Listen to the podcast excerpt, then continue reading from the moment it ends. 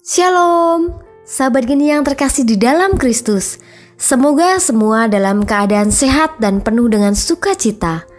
Hari ini hari Sabtu 30 Januari 2021. Kita berjumpa lagi dalam renungan harian Geni Project.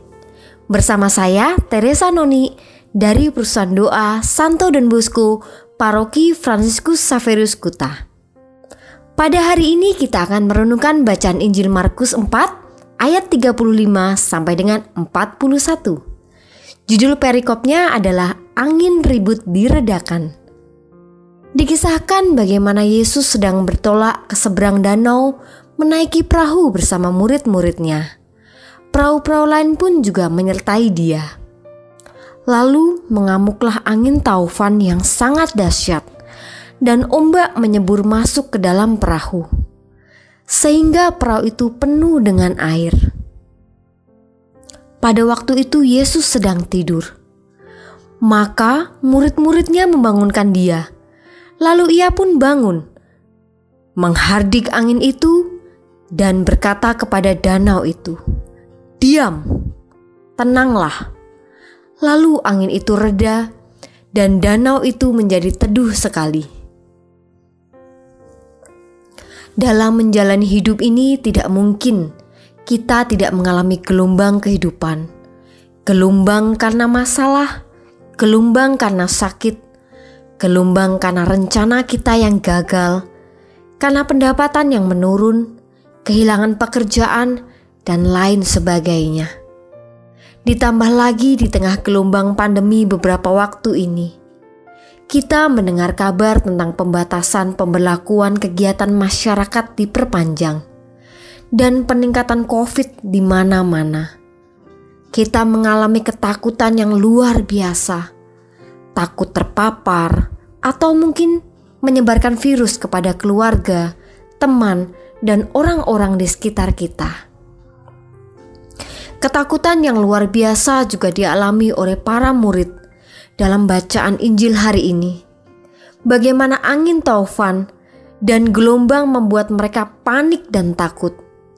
Padahal kita tahu ada murid-murid Yesus yang berprofesi sebagai nelayan, yang harusnya seorang nelayan, angin taufan, dan gelombang adalah hal yang sangat biasa dihadapi pada saat berlayar mencari ikan.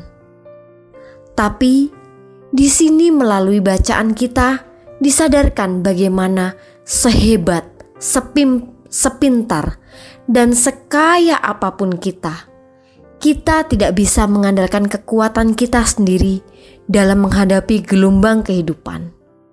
Kita butuh Tuhan Yesus yang memimpin hidup kita, karena Dia satu-satunya yang mampu menolong dan menghentikan badai dalam hidup kita sebesar dan seberat apa pun persoalan yang sedang kita hadapi saat ini, pasti kita bisa lewati bersama dengan Yesus.